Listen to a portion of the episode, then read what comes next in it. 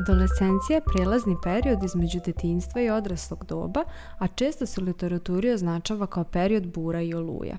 Zašto se baš tako naziva? U adolescenciji dolazi do velikih i naglih telesnih, fizioloških i hormonalnih promjena, ali i promjena na psihološkom nivou. Drugim rečima, osim što nam se telo počinje menjati, na red dolazi i razni psihološki zadaci koji se trebaju rešavati. Na primjer, u ovom periodu kreće proces kreiranja vlastitog identiteta koji se pokušava uspostaviti i stabilizovati kroz mnogobrojne eksperimentisanja. Mladi se traži i pronalaze tako što otkrivaju i isprobavaju razne muzičke žanrove, interesantne hobije, sportove ili neke druge aktivnosti. Kao da se stalno pitaju šta je ono što me karakteriše, u čemu sam dobar ili dobra, u čemu uživam, sa čim bih voleo ili volela da me asociraju. Naravno, ova pitanja imaju svoju funkciju, a to je da iz ovog burnog perioda izađu kao osobe sa stabilnim identitetom i stabilnom slikom o sebi. Pored razvojnog zadatka formiranja identiteta, a opet u snažnoj vezi sa njim, javljaju se pitanje seksualnosti, intimnosti, ali i autonomije i nezavisnosti. Javlja se borba između potrebe za izdvajanjem i potrebe za pripadanjem. Kako da dovoljno budem ja sa svim svojim specifičnostima, vrlinama i manama – a da mi istovremeno drugi prihvate. U adolescenciji nam je vrlo važno kakav utisak ostavljamo na druge. Otuda se javlja potreba da pripadamo grupama, najčešće grupama vršnjaka i da usklađujemo svoje interesovanja s interesovanjima tih vršnjaka iz grupe. Sa druge strane, ovaj period razvoja nije imu na brojne probleme sa kojima se mladi mogu suočavati – u nedostatku strategije da regulišu svoje emocije, koje ponekad znaju biti vrlo intenzivne, mladi mogu izlaz pronaći u raznim destruktivnim ponašanjima, kao što je samo poređivanje ili agresivno ponašanje. Izvor stresa može biti potencijalno vršnjačko nasilje koje je nažalost vrlo često u ovom periodu, pogotovo kada postoji pritisak da se pripada i da se u potpunosti prilagođava grupi vršnjaka.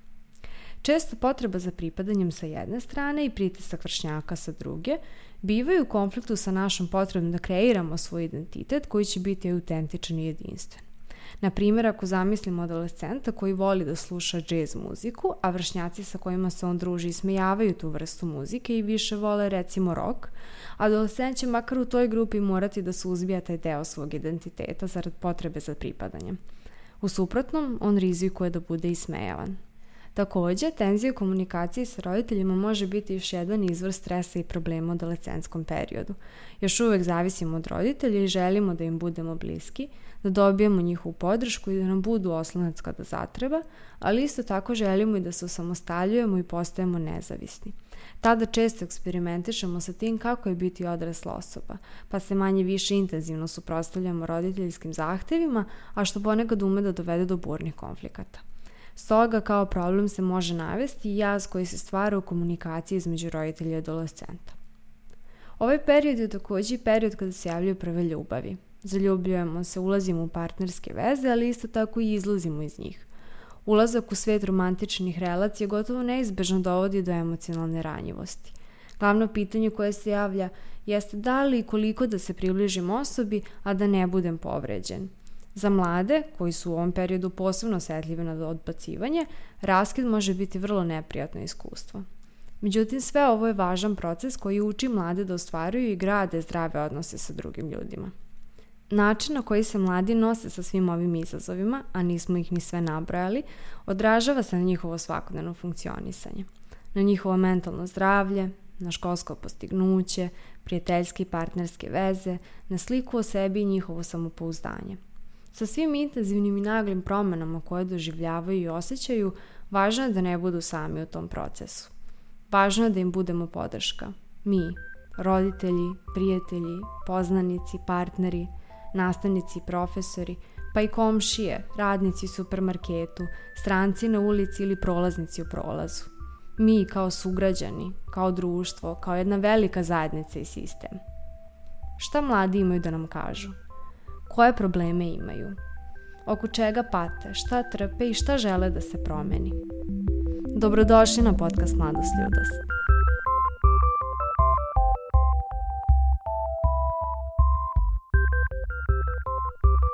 Ćao Iva, eh, hvala što si došla danas da pričamo. Um, evo, možda bih te za početak pitala, uh, onako uopšteno gledano, da li postoji nešto neko tvoje iskustvo, neka tvoja razmišljanja koja bi voljela da se jače čuju, a da društvo nije osjetljivo na tako nešto ili ne čuje, a ti bi eto želela da, da probudiš svest o tome. Mm, pre svega hvala na pozivu. Um, pa možda, mislim, ima sigurno stvari koje bih ja istakla, koje bih drugi ljudi, mm -hmm. moji vršnjaci ili mladi ljudi istakli. Um, ja bih možda istakla uh, temu da je mentalno zdravlje važnije od bilo koji, na primjer od škole, od uh, ocene, od neke nečega što stoji na papiru i što će se jednog dana zaboraviti, nego to kako ćeš ti ustati ujutro, kako ćeš leći uveče, jer pre svega imaš sebe i ostaješ sam sa sobom na kraju dana, a ocena jedna ili bilo što drugo što može to metati toku dana je mizerno naspram toga. Uh mhm. -huh. A šta misliš, šta može da pomogne da se, eto, malo jače ili više priča o tome? Ko može da ti pomogne u tome? Mm, pa možda pre svega sami profesori, uh -huh. uh, u smislu da oni sami pridaju na, na svojim predavanjima i da uopšte, uopšte no, da, njihov, njihov pristup, uh, da više ukazuju na važnost mentalnog zdravlja, umjesto na važnost njihovog ličnog predmeta jer e, većina njih smatra da je njihov predmet najvažniji, da je sve ostalo nebitno i mnogo deca nabija jako veliki pritisak. Oni nikad ne znaju da li neko dete ima ili neka osoba ima problema kod kuće ili drugih problema u životu, e, nego više guraju to svoje što je samo njihova zona interesa, nego da se obrati većoj široj masi ljudi u smislu tog mentalnog zdravlja i bilo čega. E, drugo, da se uvedu u školama pedagozi koji će zaista slušati, kao i psiholozi, jer uglavnom je slanje kod pedagoga i psihologa kazna, umesto onoga što bi trebalo da deca mogu da odu, da se osjećaju slobodno, da ispričaju šta imaju i kako se osjećaju, a ne da strepe od toga da li će to neko saznati, da li će njih od njih kazniti, da li će im smanjiti ocen izvladanja u pravilnom slučaju, zato što su ih poslali tamo.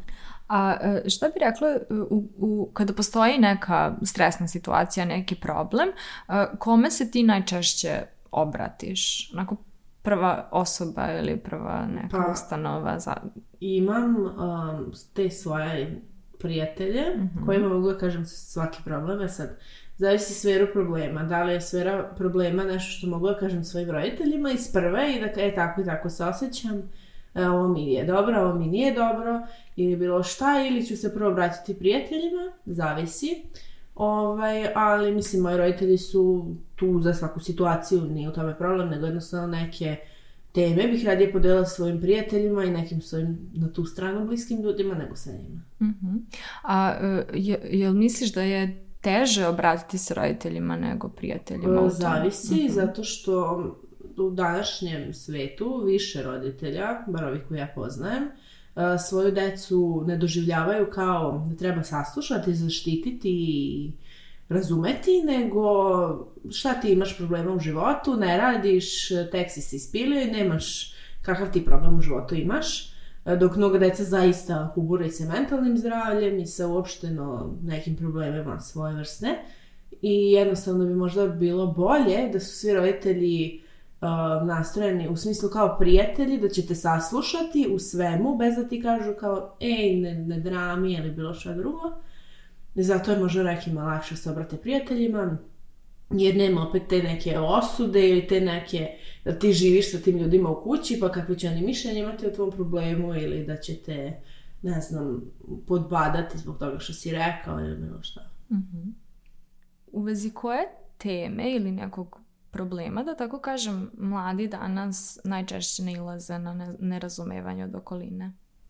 Pa uopšte na teme mentalnog zdravlja, zato što se misli da među mladima, mislim, to je opšte mišljenje koje uopšte nije tačno, ali nije bitno, ovaj, da tog mentalnog zdravlja, da, na primer, neke mentalne bolesti ne mogu da se evo radim godinama mogu, ili bilo što drugo, i da većina ljudi ne razumeju kad važnost tog nekog problema na primjer, problem anksioznosti, svi uglavnom, mnogi ljudi koje ja poznajem, uglavnom su govore mm, šta ti je to, to nije postojalo u moje vreme ili bilo što drugo od odraslih ljudi. Ovaj, ali ne razumeju važnost tog nekog problema. Tako da uopšte mentalno zdravlje mislim da nije dovoljno shvaćeno i dovoljno uzeto za ozbiljno. Mm -hmm. A na koji način mladi danas, uh, sad ako ti lakše kažeš uh, iz svog iskustva, ali um, možeš i iz iskustva generalno tvojih vršnjaka, kako, kako brinete o svom mentalnom zdravlju? Mislim, svako ima iz svog ugla šta bi njemu pomoglo, naravno. Uh, na primjer, ljudi koja poznam čitanje knjiga ići u šetnju ili bilo šta drugo. Um, jednostavno možda, koliko god su neki ljudi zatvoreni, možda naj, bi bilo najbolje po tu osobu da postoji u njihovom životu barem jedna osoba za koju će moći da garantuju i koje mogu da kažu tačno kako se osjećaju, pa makar ta osoba ne mogla da im pomogne, ali svakako da neki način to izbaci iz sebe. Samo da neko da to bude tu i da, jednostavno deli sa njima te trenutke. Uh mhm. -huh. A što tebi najviše pomaže, na primjer?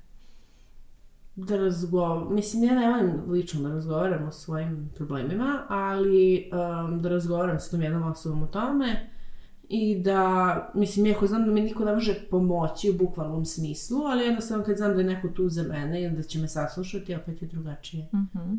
Hoćeš da kažeš da nije nekad ni toliko važno da, se, da ti neko da konkretan savjet, nego da samo bude tu i da te da. sasluša. Mm -hmm. Uh, malo pre si spomenula kako u stvari primećuješ da drugi ljudi um, ne, ne osete ili ne primete da uh, i mladi imaju problema sa anksioznošću, pa bih te pitala uh, šta misliš ko, koje su posledice toga? Um, pa posledice opšteg nerazumevanja su to da neki nažalost dođe do nekih um, nemilih ishoda ili bilo čega drugog u krajnjem slučaju, ali povlačenje u sebe, zatvaranja, um, jednostavno ne dolazi do progresa u smislu napretka, uh, da se taj problem ublaži koliko god je moguće, uh, nego se samo ili stagnira ili nazaduje. Uh, naprimer, svako ima bar mali problem sa anksioznošću, svaka osoba.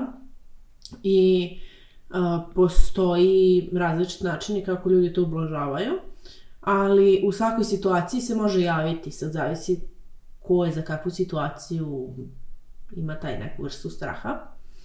Ovo, evo, na primjer, pre par dana smo, sam išla autobusom i trebalo je ući u autobus na prvoj stanici, bila je toliko velika guža, oko 100 ljudi i meni jednostavno pradio neki strajk, počeo su se zove dlanovi i tako dalje, ali onda kada sam shvatila da smo mi zapravo ušli u autobus i da je sve u redu, da ćemo stići na vreme, onda sam nekako sam se počela opuštati, ali svako ima tu neku dozu nečeg, nekog pribojavanja Šta bi rekla, koja je najveća prepreka u tom procesu brige o mentalnom zdravlju? Šta ono što odmaže tebi ili mladima generalno da brinu o mentalnom zdravlju? Pa možda taj pristup, e, nepoverenje i neprihvatanje nekih stvari. Ovaj... A kada kažeš nepoverenje, na šta tačno misliš?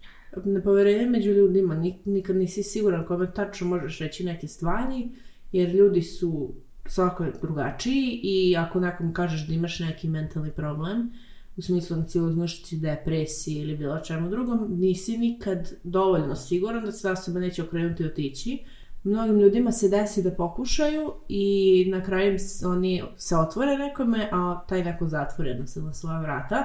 I onda se osjećaju još gore, osjećaju se nedovoljno, manje vredno, kao da ih niko ne razume, da nisu voljeni, da niko jednostavno nije tu za njih i da su sami na svetu, a to dovodi do suicidnih misli ili do mnogo goreg stanja depresije ili bilo kog drugog. Kada, kada osjetiš tako neke neprijatne emocije kao što su tuga, bes, um, ljutnja, um, kako se nosiš sa tim? Šta radiš onda? Mm, ja lično volim da provedem vreme svojim psom, da izađem na polje, da razgovaram s tom jednom osobom ili da jednostavno skrenem misli sa toga. Što se tiče tuge, što se tiče bilo kakvih ema, volim da se izolujem.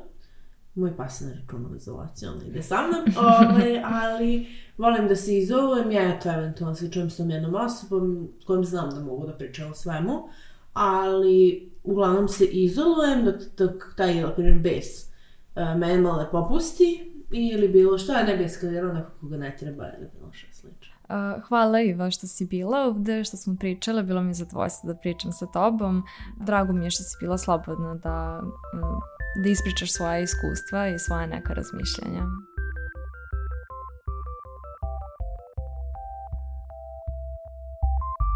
Od Ive smo mogli da čujemo koliko može biti snažan pritisak od strane profesora na školsko postignuće i koliko je važno da i u okviru obrazovnih ustanova brinemo o mentalnom zdravlju mladih da stvaramo sigurnu zonu u kojoj će oni biti saslušani, koja će biti osetljiva na njihove probleme i potrebe koja će graditi poverenje. Takođe, mogli smo da čujemo i važnost prijateljskih odnosa koje umeju da budu snažnije i veći izvor sigurnosti od odnosa sa roditeljima, koji neretko umeju da sve ove adolescenske probleme vide kao prolaznu fazu kroz koju je lako proći. Čuli smo da se na različite načine mladi mogu nositi sa svojim problemima, da na različite načine regulišu emocije i da je u njenom slučaju to izolacija. Izolacija nije uvek loša, Ona ume da bude korisna i funkcionalna strategija. Kao kada Iva kaže da je bolje izolovati se nego agresivno osjećanje usmeriti na nekoga. Ona je ujedno i vežbanje autonomije, odnosno oslanjanje na vlastite resurse da rešavamo svoje probleme. Međutim, važno je da budemo svesni da nije uvek tako. Da se nekada mladi izoluju ne zato što vežbaju nezavisnost, već zato što doživljavaju da nemaju osobu koja će da ih sasluša i koja će da validira njihovo osjećanja i potrebe.